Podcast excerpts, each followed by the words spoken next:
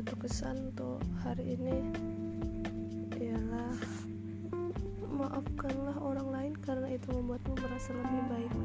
Maafkanlah orang lain karena itu menghancurkan kenangan jelek dari pikiranmu. Maafkanlah orang lain karena itu membuat pintu untuk menerima dirimu sendiri. Pada akhirnya kamu tidak akan dapat menerima dirimu sendiri tanpa terlebih dahulu memaafkan. Karena jauh di lubuk hatimu bahwa kamu juga ingin dimaafkan ketika kamu telah mengakui hal itu terhadap dirimu. Orang-orang akan mendengar ketulusan dalam suaramu ketika kamu memaafkan mereka.